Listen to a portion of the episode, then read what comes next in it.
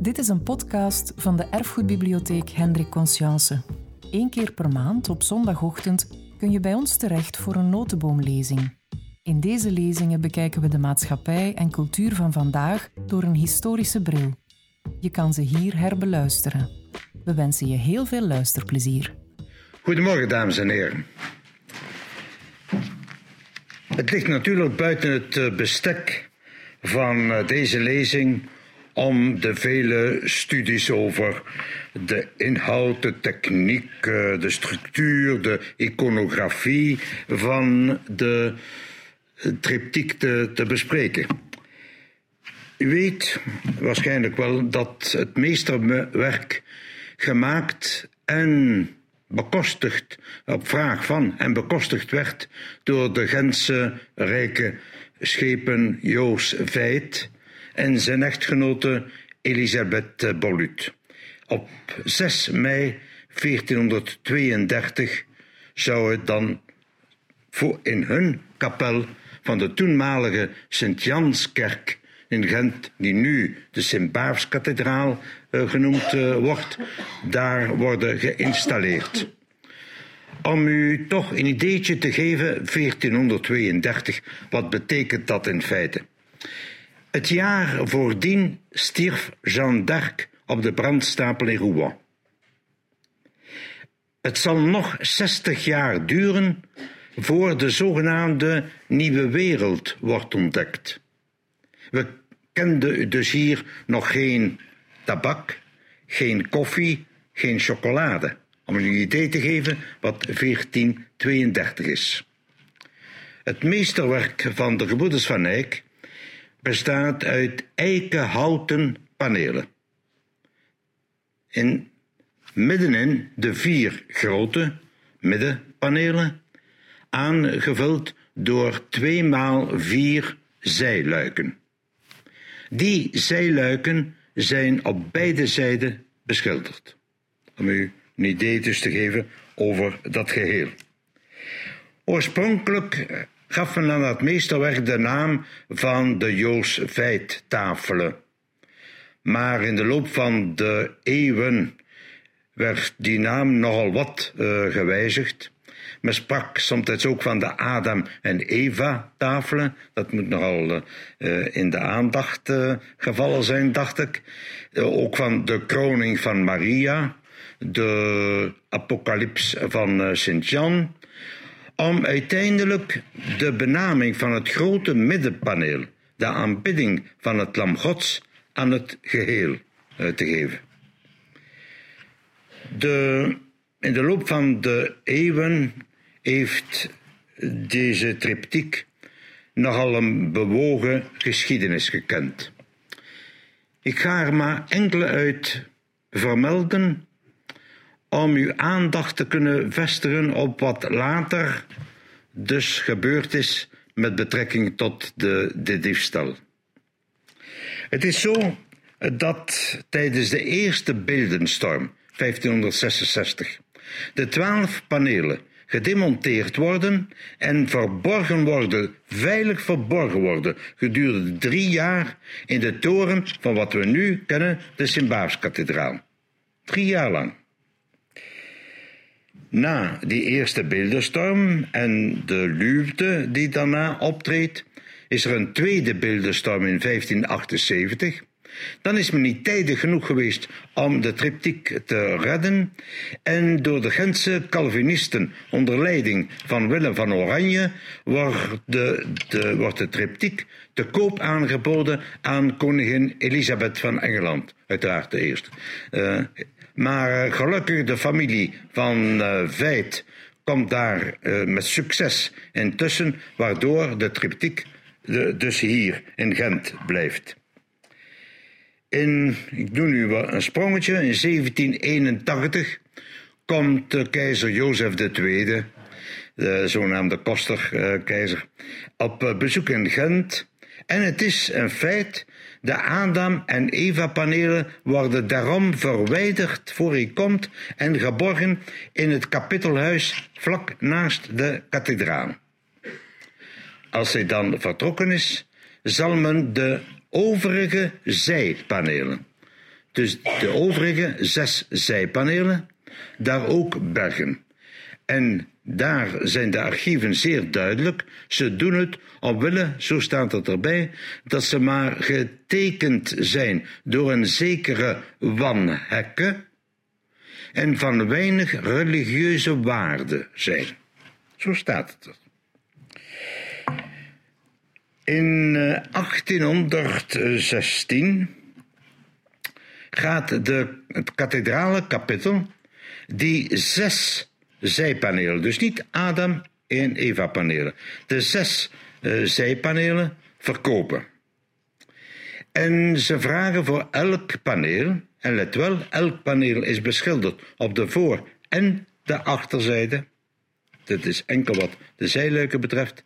Ze gaan die zes panelen verkopen voor 3000 gulden aan een zekere Oostense uh, van Nieuwenhuizen. Ongeveer 500 gulden dus per, per, paneel. Die van Nieuwenhuizen verkoopt die zes panelen het jaar uh, daarop, in 1817 uh, reeds, verkoopt hij dat aan een zekere, voor 100.000 frank, aan een zekere Sully, een Engelsman in, in Keulen. Die Engelsman verkoopt die zes panelen aan koning Frederik Willem III van Pruisen voor 500.000 taler. We zijn op dat ogenblik 1821. Waardoor die zes panelen door de, de koning Frederik Willem III worden geplaatst in de koninklijke gemäldenmalerij in uh, Berlijn. En van dan af zegt men dat ze Duitsland geheuren. Dat ze aan Duitsland behoren. Ja goed, heeft ervoor betaald. In uh, 1861, na een blikseminslag en er nogal wat schade was aan de, de kathedraal, verkoopt het uh, kapittel ook de Adam en Eva panelen aan de Belgische staat. Daar hebben ze nu wat meer voor bekomen, namelijk 50.000 frank in 1861.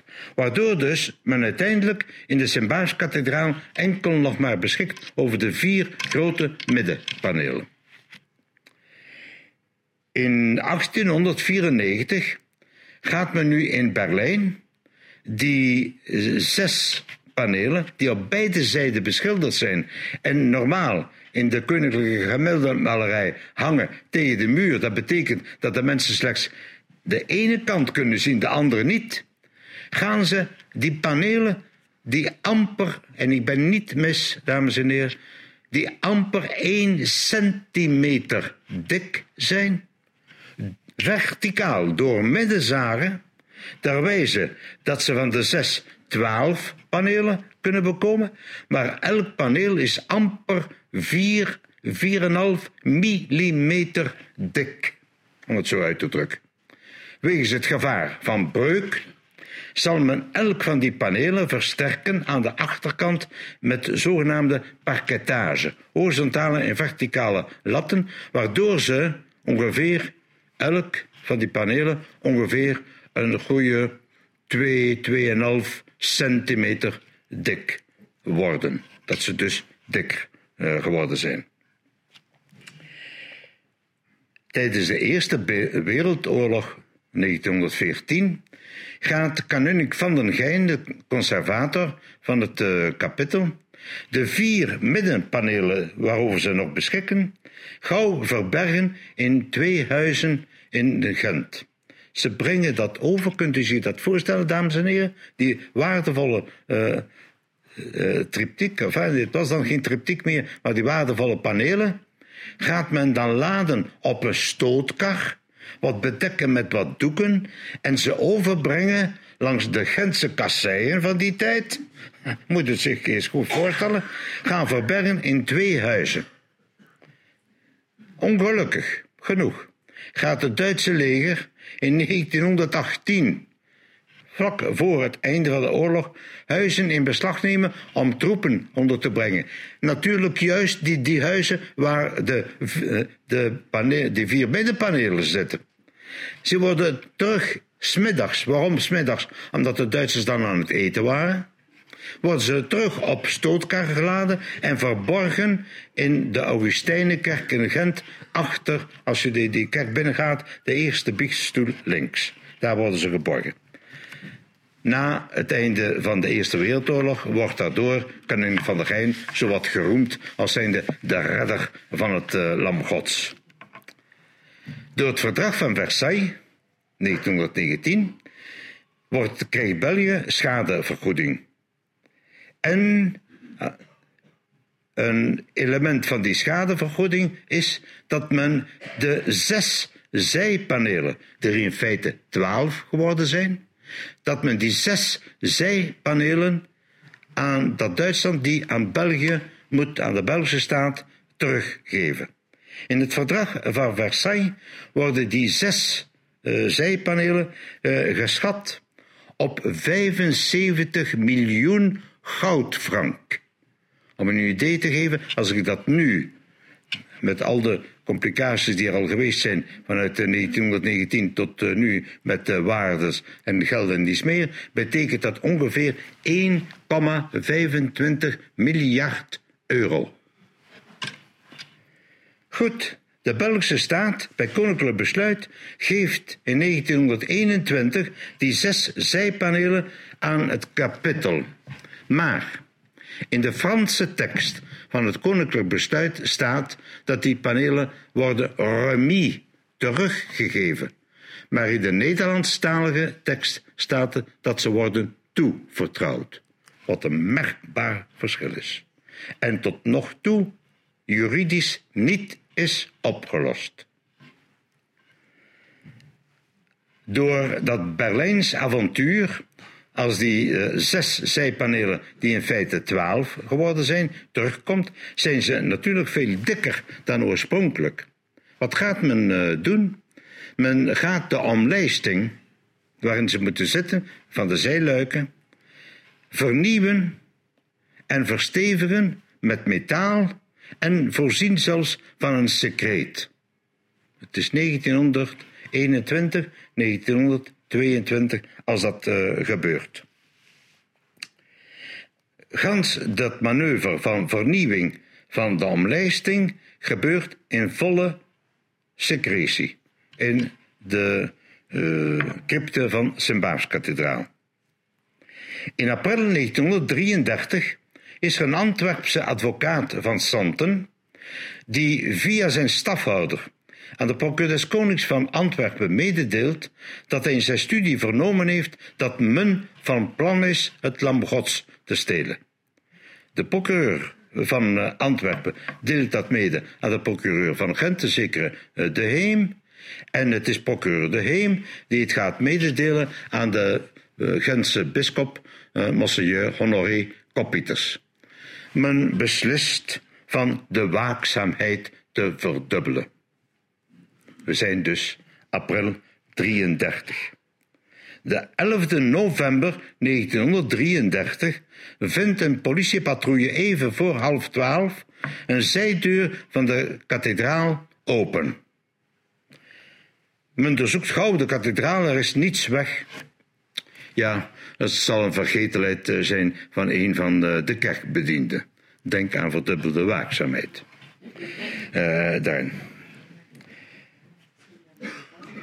Dag op dag, vijf maand later, woensdag 11 april 1934, wordt opnieuw een deur, een andere deur, tegenaan gevonden in de vroege morgen van de woensdag 11 april. Niemand is verontrust. Niemand. Het zal weer een of andere kerkbediende zijn die vergeten is goed de deur te sluiten. Uh, men zal hem wel dus op zijn vingers tikken. Ongeveer een tweetal uur uh, later, rond negen uur, gaat men de gesloten deur van de Veitkapel openen. De triptiek is daar beschermd met een groen rolgordijn dat ervoor hangt om het te beschermen tegen de uitwerpselen van de vleermuizen. Er zitten er nog heel wat, ook nu nog, in de Sint-Baafskathedraal, vleermuizen. Maar het groene rolgordijn wordt opengetrokken en men ontdekt de diefstal. Onderaan, links, zijn dus twee panelen verdwenen. De zogenaamde de rechtvaardige rechters en een zogenaamd Griselle Sint-Jan de Doper. De dan verwittigt de kanunnik en ook uiteraard de bischop. De, die begeeft zich bij de, de, het is de kanunnik die zich bij de politie eh, begeeft. En het procureur des konings wordt verwittigd. Het gaat als een lopend vuurtje de stad rond. Er komen heel wat mensen kijken naar dus iets dat er niet meer is. Hè? Ramptoerisme avant la lettre. Meer kan ik dat ook niet noemen. De gerechtelijke politie, onder leiding van commissaris Luisterborg, komt met vijf inspecteurs ter plaatse. Onder een van die inspecteurs bevindt zich zelfs de chef van het fotolaboratorium. Dames en heren, wat ik u nu vertel is authentiek en is me daarna door de, die commissaris, die op eh, rust was ergens in Picardie later, toen ik over die zaak eh, begon te ondervragen, eh, me bevestigd. Wanneer de gerechtelijke politie zich naar de kathedraal begeven, staat er een hoop met mensen in de gang en in de, kapel om dat te komen kijken naar die diefstal, terwijl ondertussen de kerkbedienden die panelen staan open en dicht te draaien, te tonen wat ze tegengekomen zijn en hoe dat marcheert en dies meer. De gerechtelijke politie besluit van terug te komen als de belangstelling wat geluwd is en gaat eerst een onderzoek doen van kaas. Diefstal van kaas. In de loop van de namiddag komen ze dan terug.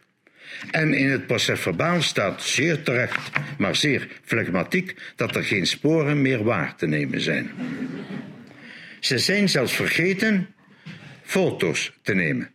De foto's die in mijn boeken uh, zijn weergegeven, hoe beschikt, ben kunnen terugvinden bij de persfotografen van die tijd. Goed.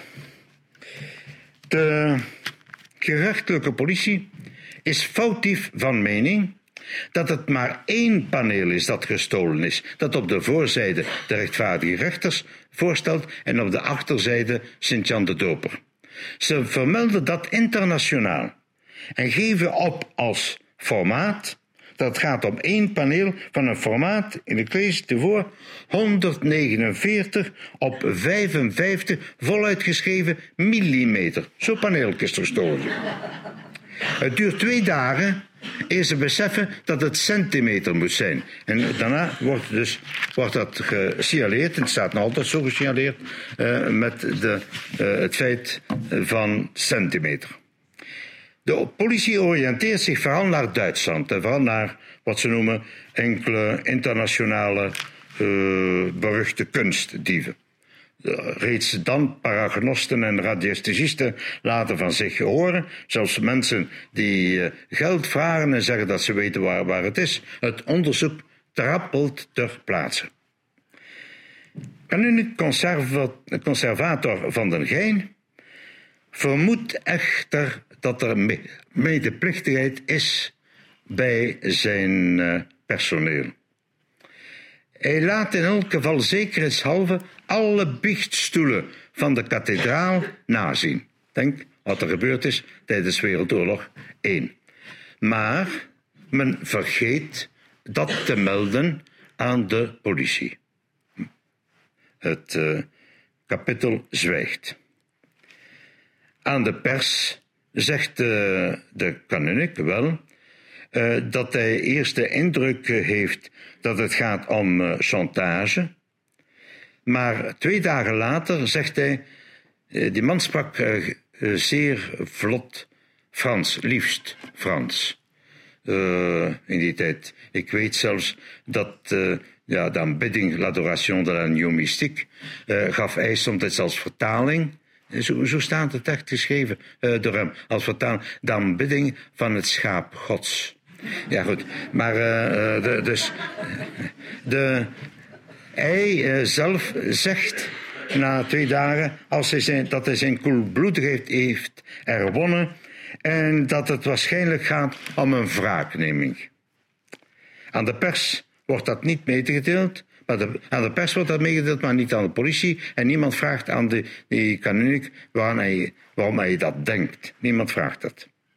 Drie weken na de diefstal, op 1 mei 1934, ontvangt Monsieur Jacob Pieters een omslag personeel aan hem gericht van een uit Antwerpen verstuurde Franstalige brief.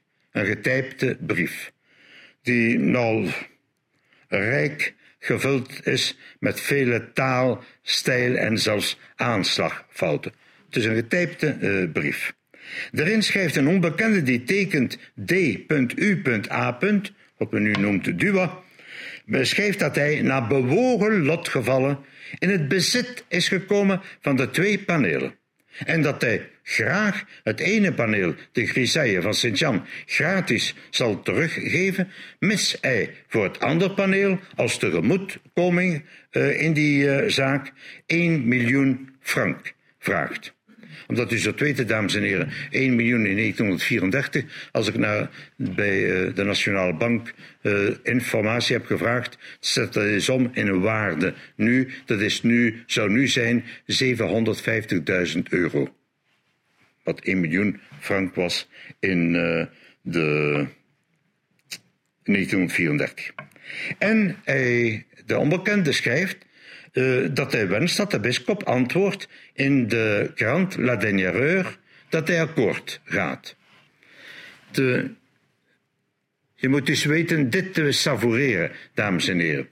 Uh, de krant in 1934, la, de, waar hij het over heeft, La Dernière dat is een liberale krant.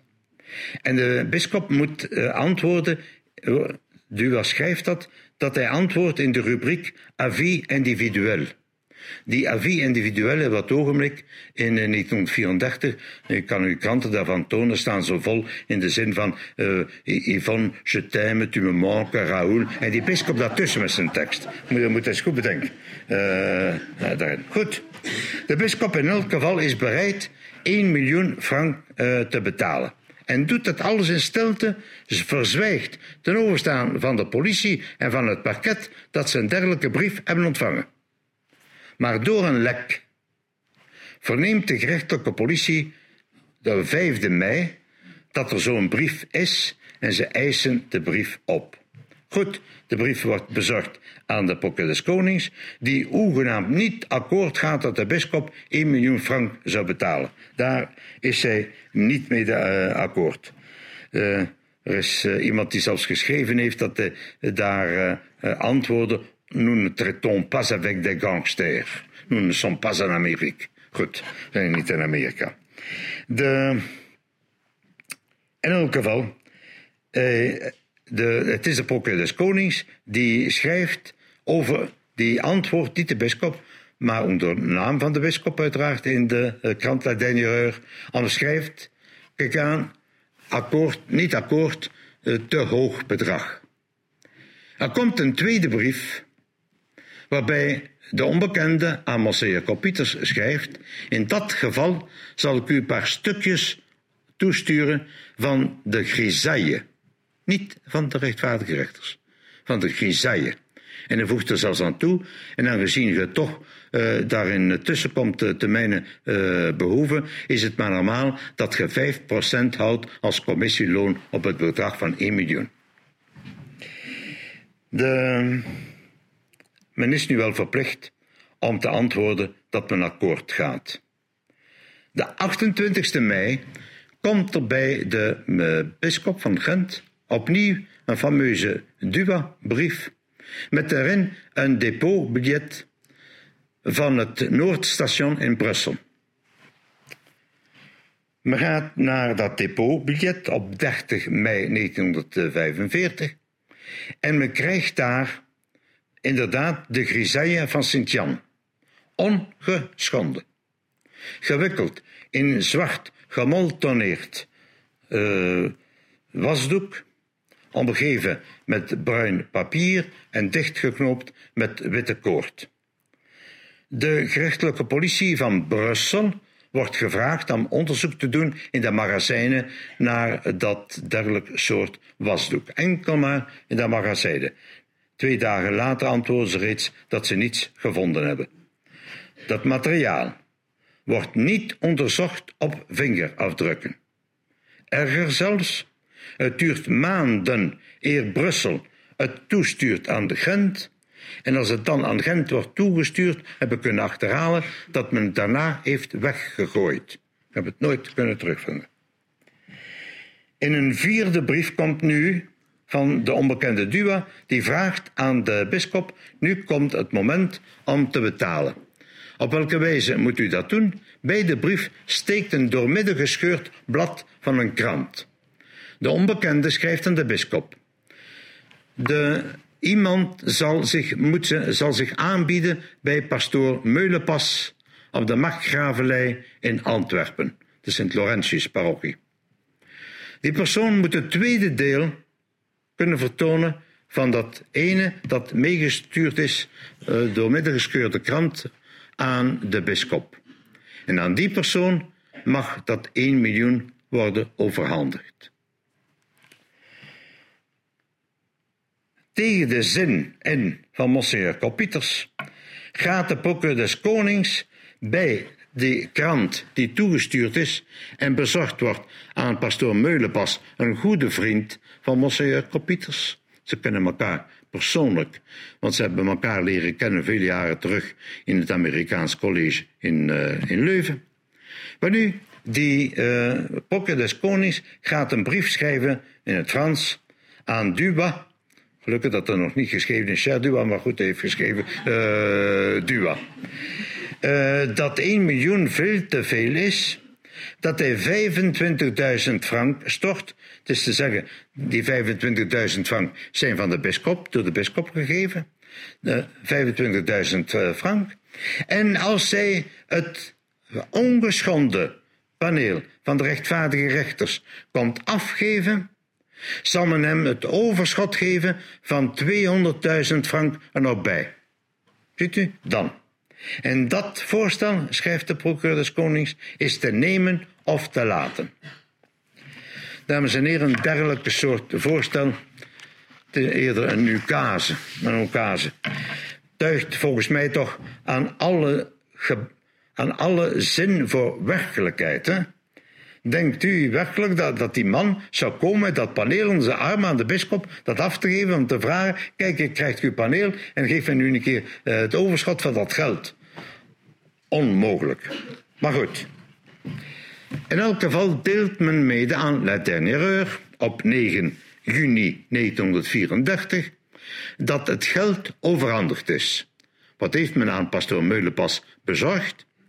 Een omslag met daarin dus die brief van uh, de procureur des konings en 25.000 uh, frank.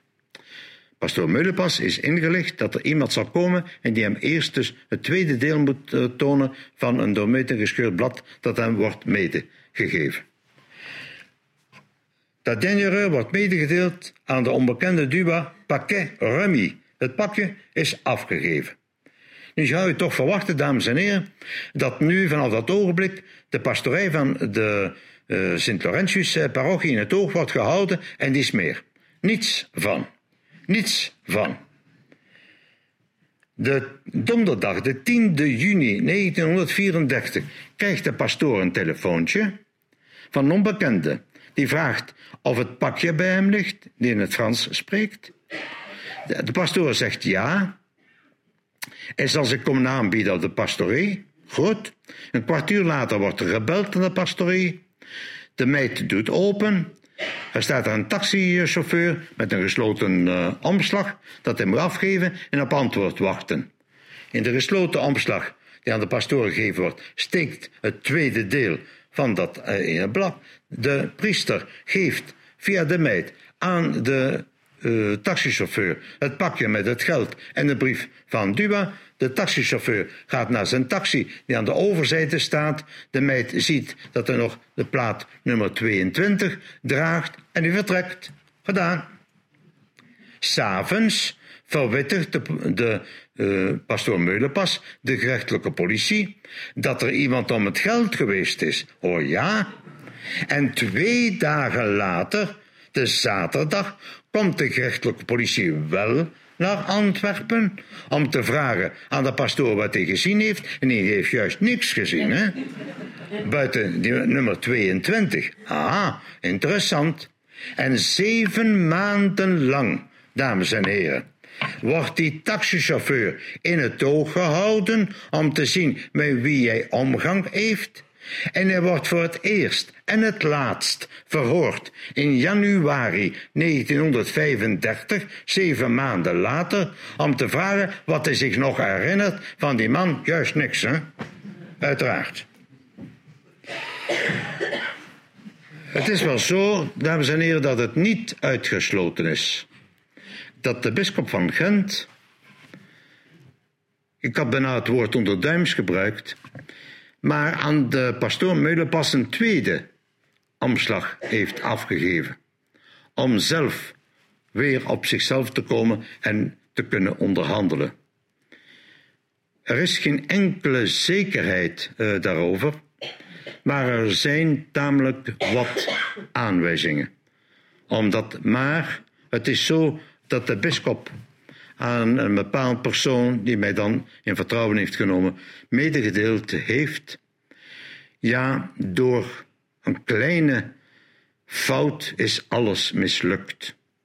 Het was zo dat de bedoeling uh, was om de onbekende uit te nodigen naar het Centraal Station te komen in Antwerpen. Waarom? Omdat een van de brieven uh, was afgestempeld in het uh, postgebouw recht over het Centraal Station. En dat die priester die daar stond, dat was van der Gein. Nou, natuurlijk niet in clergy was in 1934, maar uh, in soutaan gekleed. Meent, uh, zegt hij aan sommigen, meent dat er tussen het publiek iemand gezien heeft die hij kende, uh, Arsène Goedertier. Maar dat, het, dat ze niet gekomen zijn, natuurlijk niet. Indien het Arsène zou geweest zijn, kon hij zich moeilijk gaan aanbieden bij Kanunik van der Geijn, die hij persoonlijk ook kende. En zou Kanunik van der Geijn allicht dat geld dan niet aan goede tier hebben gegeven. Tot daartoe, het zijn veronderstellingen. In elk geval, de voorwaarde die die Procureur des Konings heeft gesteld, wordt werkelijk door de onbekende Dua niet aanvaard. En schrijft dat het eenvoudig niet uit te voeren is, uiteraard is dat niet uh, uit te voeren. Dertien brieven komen er in totaal. Dertien in totaal naar de bisschop uh, van Gent toe. Die brieven worden daarna aan de procureur des konings gegeven. Daarover zwijgt de pers, want nooit is daarover iets medegedeeld aan de, de pers. En na die dertiende brief stopt dan de briefwisseling van Duwa ineens. Zondag 25, pardon, 25 november 1934. In Dendermonde is er een politieke vergadering. Men, vormt, men gaat namelijk een nieuwe regering vormen. Heel wat tussen katholieken en liberalen. Er zijn 400 mensen in de zaal. Veel uh, personaliteiten, onder andere uh, Baron Thibault, de voorzitter van uh, de Kamer, uh, Rubens van Zelen, die minister zal worden, Delwijde, senior, de vader van de huidige, is daar ook aan aanwezig, zie ik in de, de, in de lijst. En een van de sprekers is een zeker Arsène Goedertier, een effectenmakelaar uit de Wetteren, 58 jaar, die voorhoudt en die aan het hengelen is duidelijk om uh, in politiek te komen en zijn politieke vrienden al heeft aangesproken daarover, die voorhoudt uh, dat de katholieke partijen ook een vierde stand mo moet hebben, uh, namelijk een stand van de intellectuelen. dat dat de, dus de goede richting zou zijn. nadat hij zijn betoog heeft gehouden, gaat hij in de, de zaal en krijgt daar een hartaanval. Hij wordt overgebracht bij zijn uh, schoonbroeder, ook in uh, Dendermonde, een uh, juwelenhandelaar. winkel recht over de Sint-Peters en Paulusabdij van de Benedictijnen daar. Er wordt daar op een geïmproviseerd bed gelegd. De dokter die erbij is, stelt vast dat de zieke gaan de weg achteruit gaat en dat er niet veel meer uh, aan te doen zal zijn, vraagt daarom aan Arsène Goedertier, hebt ge soms zaken te regelen? Arsène Goedertier moet hem zeer goed begrepen hebben, want de antwoord, nee, mijn geweten is gerust. Niettemin, de familie die dat uh, toch hoort, gaat gauw een priester halen en ze begeven zich aan de overzijde naar de Benedictijnenabdij, waar ze pater Libertus Bornau vinden. Ondertussen is de vergadering in het Heilig Maagdcollege in Dendermonde ten einde en komt Georges de Vos, een advocaat, raadsman ook van de familie Goedertier, maar ook een vrij goede bekende met die politiekers, want die gingen dan bij hem smiddags gaan eten. Hij komt dus informeren hoe het gesteld is met zijn goede vriend Arsène. Daar verneemt hij dat het dus ernstig is en Arsène, hem ziende, zegt Ah, eh, met u kan ik het ook doen. Hij vraagt om alleen gelaten te worden met advocaat De Vos. Een advocaat, op dat ogenblik dat hij daar uh, uh, alleen mee is, zegt Goedertier: Georges, ik alleen weet waar het lam Gods is. Op dat ogenblik steekt pater Libertus Bornau, niet wetende dat, die daar, dat de, de zieke eh, daar alleen is met zijn advocaat, steekt de deur open omdat hij gevraagd is om dringend te komen. De zieke, de, de priester ziende, zegt, pater, ik heb u niet nodig. Waarop pater Libertus terug buiten gaat en de deur sluit. Waarop Goedertier zou ernomen hebben tegen de, de Vos en gezegd hebben, kijk thuis in mijn bureau, in de schuif Onderaan links bevindt zich het dossier over heel de zaak en sterft. Dat is het verhaal van de Vos. De Vos beweert dat hij zich naar de woning heeft begeven uit diezelfde dag en dat hij daar enkel de doorslagen heeft aangetroffen van de dertien duabrieven aan Monseigneur Kopieters van Gent gericht, plus een veertiende, nog niet verzonden brief in het handschrift van Goedertier. Advocaat De Vos begeeft zich zanderdaags met die documenten, zegt hij, bij de voorzitter van de rechtbank van eerste aanleg in Dendermonde, die zich onmiddellijk contact neemt en begeeft bij de eerste voorzitter van het Hof van Beroep in Gent, Ridder de Haarne, die onmiddellijk de procureur-generaal van Elewijk bijroept. En die drie hoge magistraten beslissen dat niets daarover mag medegedeeld worden aan de onderzoeksrechter van Gent, noch aan de politie, noch aan de bisschop, noch aan de minister van Justitie. En dat de, eerste, de voorzitter van de rechtbank van eerste aanleg in Dendermonde het dossier krijgt vanuit Gent. Dat hij het dossier verder moet onderzoeken. Een dossier, dames en heren, waar, waar hij dus juist niks over afweten, dat onderzocht geweest is door Gent, maar niet in Dendermonde. Ongeveer gedurende een maand zal hij zich bezighouden met de echtgenoten te verhoren en uiteindelijk moet hij toegeven dat het niet mogelijk is om de verder gevolg aan die zaak te geven en dat het toch nodig is dat toch iemand van de gerechtelijke politie bijgeroepen wordt. Einde december 1934 wordt uiteindelijk die commissaris Luisterborg en hij alleen gevraagd om wat hulp te verlenen aan die voorzitter van de rechtbank, maar dat hij nooit mag kenbaar maken dat het gaat over het lam Gods. Hij moet zich uitgeven als architect. Kunt zich voorstellen, dames en heren, wat die architect heeft kunnen vragen. Maandenlang heeft men geploeterd op een dergelijke wijze. Ook de bisschop wordt niet ingelicht. Achteraf heb ik wel kunnen vernemen dat door een lek de bisschop wel op de hoogte was gesteld dat er iets gebeurd was met een zekere goede tier, maar dat hij daarover gezwegen heeft. Uh, dat wel, dat weet ik van zijn familie. Maar uh, goed, de procureur des konings wordt ook dan maar ingelicht. En de procureur des konings beslist in mei 1935 een aanplakbrief te laten verschijnen, waarin hij mededeelt aan het publiek en ook aan de pers, uiteraard, dat de dader van de diefstal overleden is. Niet meer dan dat. De dader is overleden. Maar dat het paneel van de rechtvaardige rechters nog kan opgezocht worden en nog bestaat. Waar hij dat gehaald heeft, weten we niet. Die zin, hè? Dat weten we nooit heeft er iemand hem dat gevraagd. De, uiteraard de pers en die smeer springt daar bovenarms op. Vanaf dat ogenblik is er inderdaad uh, de, de dam doorbroken, de dader is goedertier en dat is het enige dat blijft leven in de pers, bij ook bij het publiek en ook bij de procureur des konings.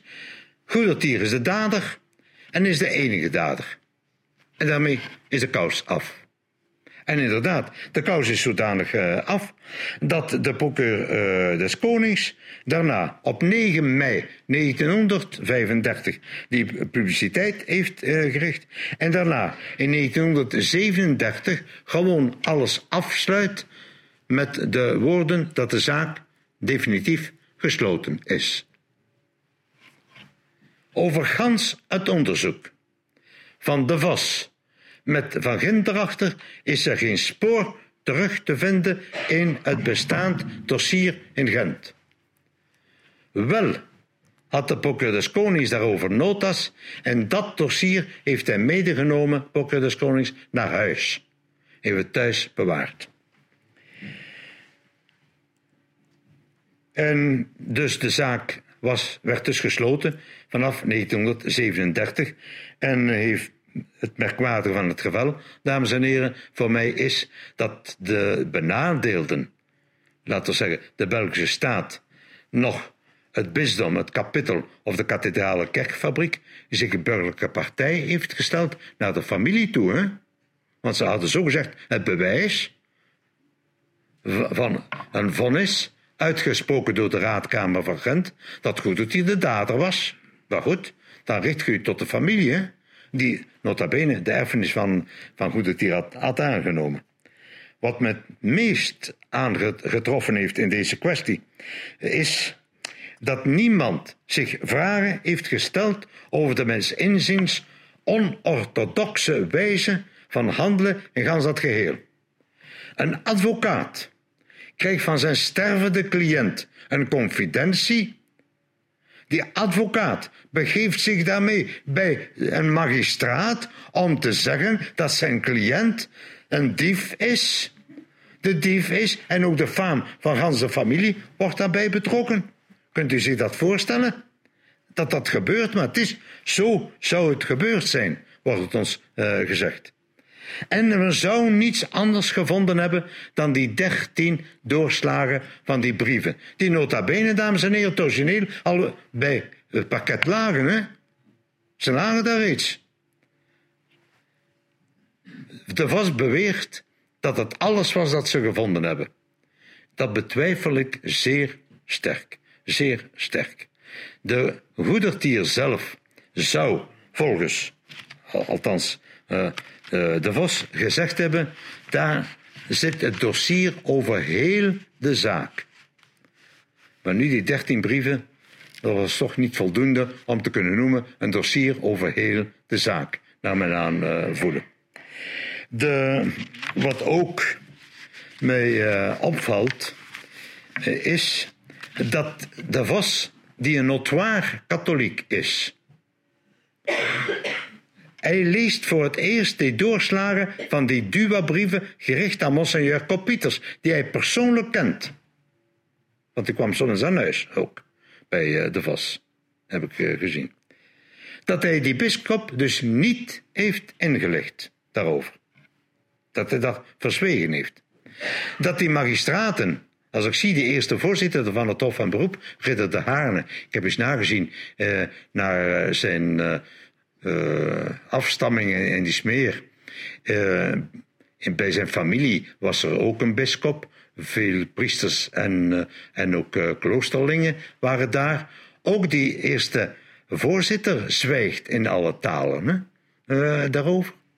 En het merkwaardige van het geval is dat men de ganse dossier meeneemt naar huis en daar bewaart. En, en ongelooflijke uh, geschiedenis. Maar dat is, uh, dat is het toch zo.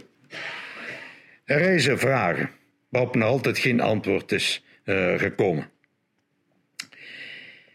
Bij mijn studie en analyse van die zaken, ik spreek nu van uh, einde van de jaren 50, begin uh, 60, trof ik in dat dossier, het toenmalige dossier dat me gegeven werd, een geel briefje aan, zo'n soort kattenbelletje, in een handschrift, uh, Duits handschrift van een Duitser die schrijft dat hij in 1943 het dossier heeft teruggegeven. Ik kan u eerlijk zeggen, dames en heren, mijn eerste geval, mijn eerste reactie was, de sloeber heeft toch stukken meegenomen, zeker naar huis, dacht ik. Hè? Uh, wat ontbreekt er allemaal uh, in? En dat was getekend door een zekere Henry Keun, een, een Duitse officier. Ik ben zijn adres gaan opzoeken. Uh, uh, dat heeft toch uh, een paar jaar geduurd dat ik het kon terugvinden. Uiteindelijk zijn adres gevonden. het was een cultuurforscher. En merkwaardig genoeg, het is zo dat ik de kunnen we terugvinden heb. Hij heette Henry. In het Engels niet Heinrich. Keun zo namelijk Mortier in Gent. Uh, heel wat. Uh, dus in, en in die tabellen, eh, in Cornelie Münster, in de abdij van Cornelie Münster, dat daar met de keuns, door de keuns waren, uh, dat was de moeite en de, de demobilisatieadres. Uiteindelijk dat gevonden, hij was reeds overleden. Maar zijn broer leefde nog, dus contact genomen met die broer. En die zegde dat uh, Keun een interessant dossier over had hoorde natuurlijk klinken. En uh, dat dossier lag op het eiland Silt bij de weduwe. Dus naar het eiland Silt geweest bij de weduwe. 187 bladzijden. Veel rijker gedocumenteerd dan gans dat gerechtelijk dossier. Want Keun had tijdens die Tweede Wereldoorlog iedereen verhoord die maar iets te maken had met gans die zaak. En alles opgetekend, zei het in gotisch geschrift, maar uh, goed tot daartoe uh, daarin. De bischop, de kanunnik, de procureur en iedereen had hij, de voorzitter en het is meer, iedereen had hij ondervraagd. De... Het is dan interessant een kort woordje te zeggen daarover over dat werk van Keun. Keun is cultuurvorster van de Kunstschutz. Hij had duidelijk opdracht gekregen dat uh, de panelen moest terugbezorgen die Duitsland geheuren. Aan Duitsland eh, zijn en diende dan voor Hitler in zijn museum in Linz te kunnen plaatsen. Maar de triptiek min één paneel uiteraard, was in mei 1940, gelet op de uh, oorlogsomstandigheden, uh, overgebracht men had eerst de bedoeling, was, er is daar briefwisseling over uh, met het Vaticaan, om het over te brengen naar het Vaticaan. En ik zie dat uh, daarin in de antwoord dat het Vaticaan akkoord gaat daarmee, maar daarbij schrijft dat de, kosten van transport en van bewaking zullen moeten gedragen worden door het bisdom Gent. Goed. De, uh, ze willen het naar het Vaticaan overbrengen, maar op dat ogenblik verklaart Italië de oorlog aan Frankrijk. Ze kunnen dus niet door en ze wijken af naar Po naar het kasteel van Hendrik IV, waar het daar dus wordt ondergebracht. Panelen blijven daar uiteraard min rechtvaardige rechters die er niet uh, zijn. Die 49-jarige oberluitenant Keun begint aan zijn uh, onderzoek en is vast aan de duur, naar wat hij gehoord heeft, vast overtuigd dat het paneel de kathedraal nooit heeft verlaten. Dat is zijn mening. Dat schrijft hij zeer uitdrukkelijk. Hij verzekert zich van een hulp. En die hulp is een zekere Antwerpse architect Max Winders. Die hem dus bijstaat en helpt, omdat ook veel tekst was in Nederland, Nederlands of in het Frans. En Max Winders sprak ook nogal veel uh, Frans uh, daarin.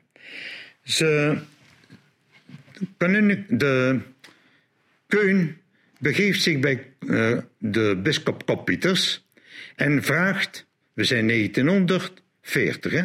1941, vraagt de toelating om de kathedraal te doorzoeken.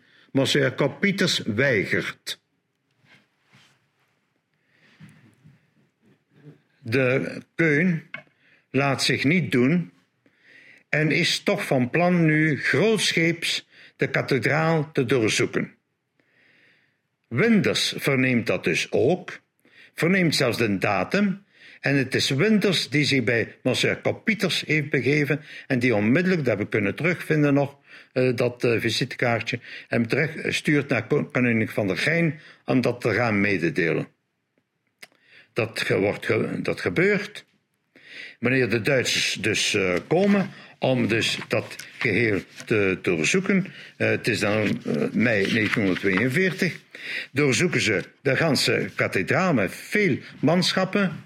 En niemand is aanwezig, behalve koning van der Gein, die zich duidelijk afzijdig, demonstratief afzijdig houdt van het geheel. Laat dat maar zoeken. Strekken het zich niet aan. De Duitser uh, meent dat na dat negatief resultaat dat hij niet verder moet uh, doen. Goed. En het zal Winders zijn, Max Winders, die mij na, ik heb hem te woord gestaan, verscheidene maanden.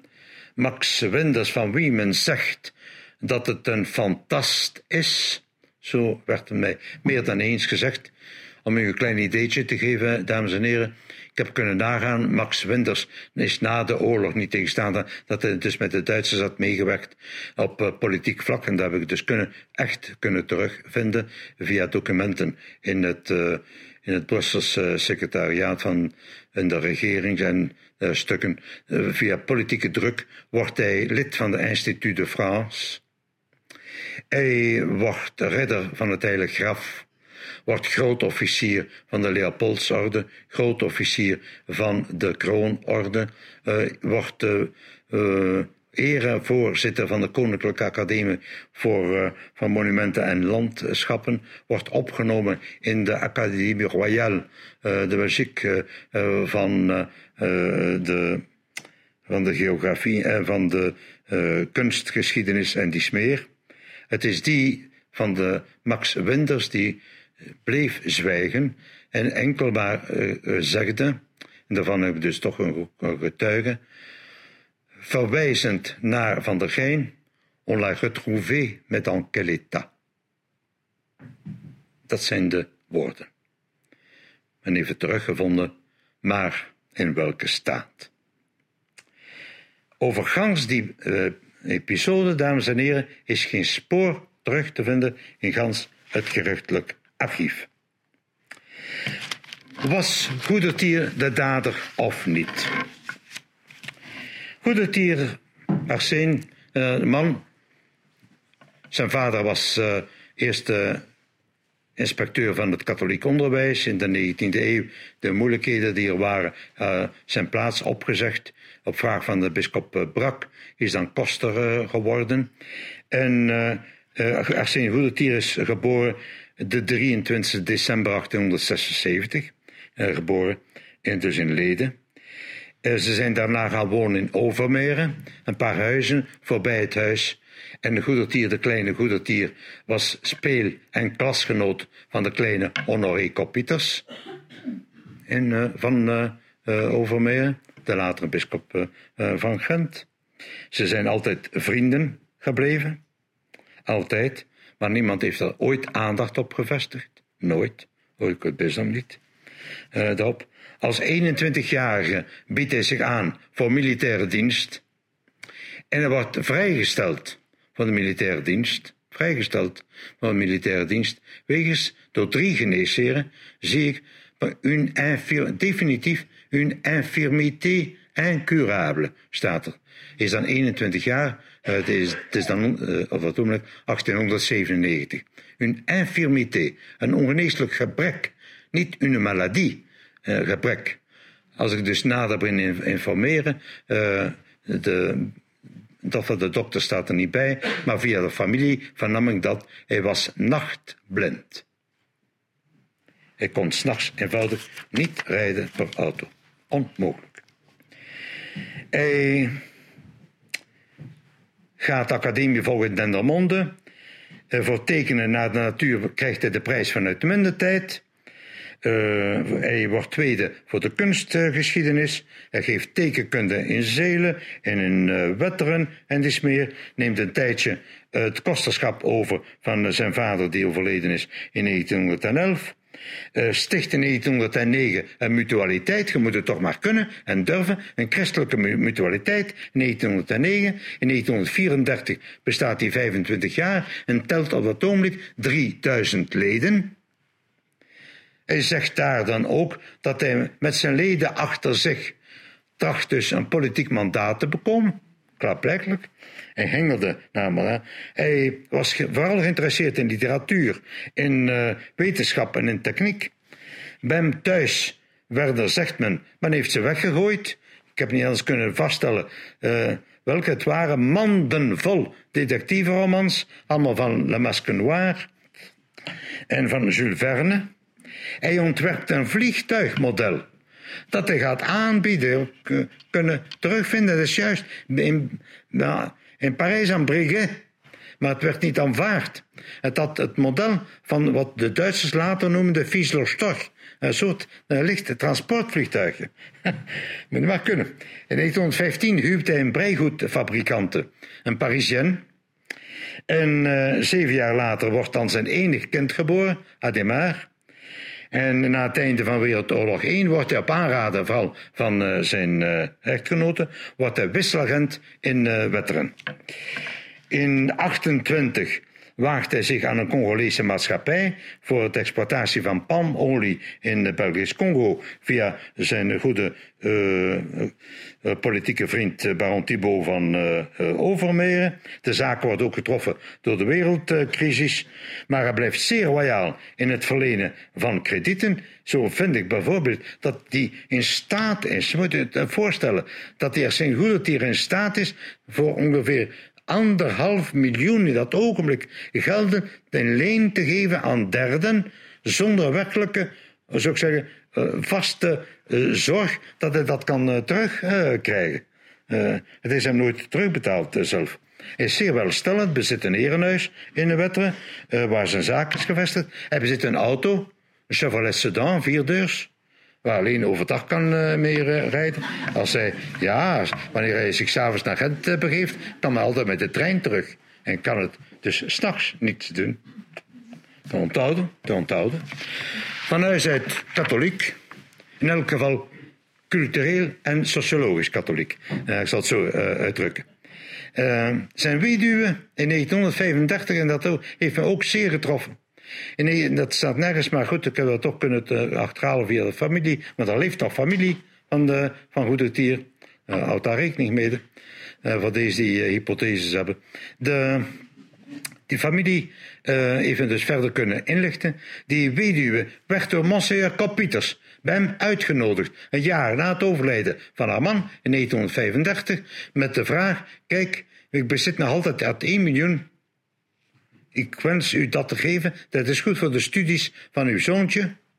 Maar zeg ons waar het zich bevindt. En zij, dames en heren, maar eens goed bedenken, 1935, in die toestand. Zij die zegt dat ze een zeer katholieke vrouw is, die dagelijks de communie gaat, antwoord aan de bisschop. Kan textueel uh, zeggen wat ze uh, juist uh, gezegd heeft. J'ai plus confiance dans la prescription que dans la parole d'un évêque. Ik heb meer vertrouwen in de verjaring dan in het woord van een bisschop. In 35. Alsjeblieft. Bij elk geval, bij hem thuis, nog elders, heeft men ooit enig spoor kunnen vinden van daderschap van de diefstal. Men had sporen kunnen uh, hebben van het openwrikken. Dus zoeken naar schroeven, naar bijtel en die meer. Nooit heeft men bij hem één papier gevonden dat gelijkt op het briefpapier gestuurd aan de bisschop. Nooit. Men heeft wel de schrijfmachine gevonden waarmee uh, de brieven geschreven werden.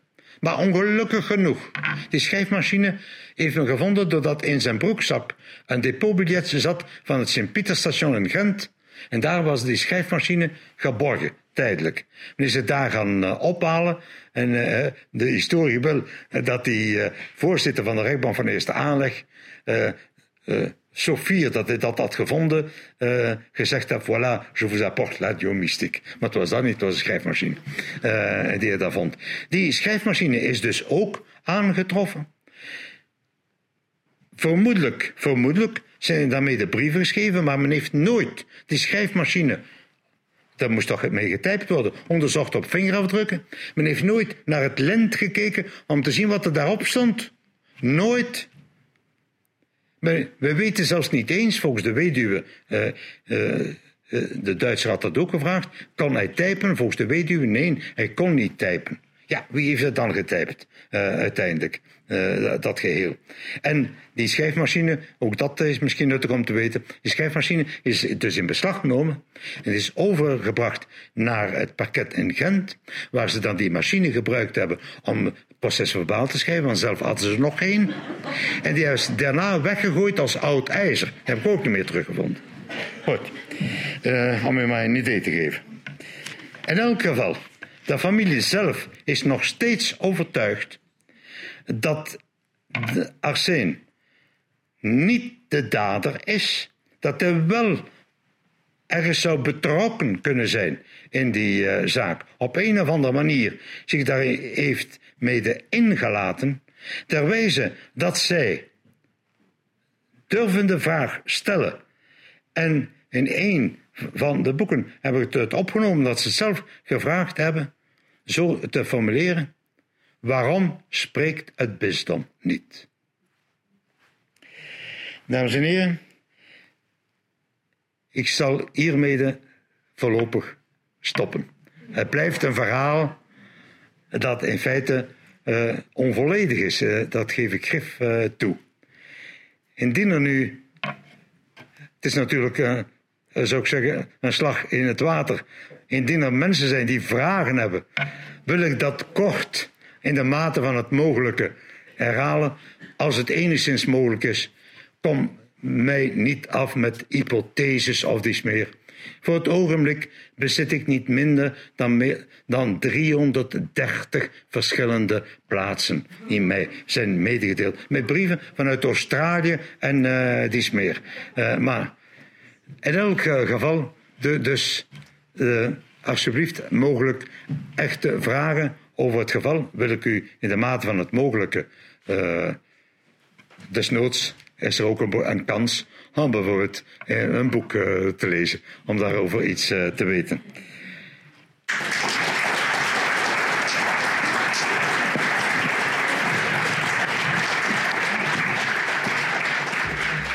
Je luisterde naar een podcast van de Erfgoedbibliotheek Hendrik Conscience. Wil je nog een andere lezing beluisteren? Ga dan naar www.consciencebibliotheek.be-herbeluister.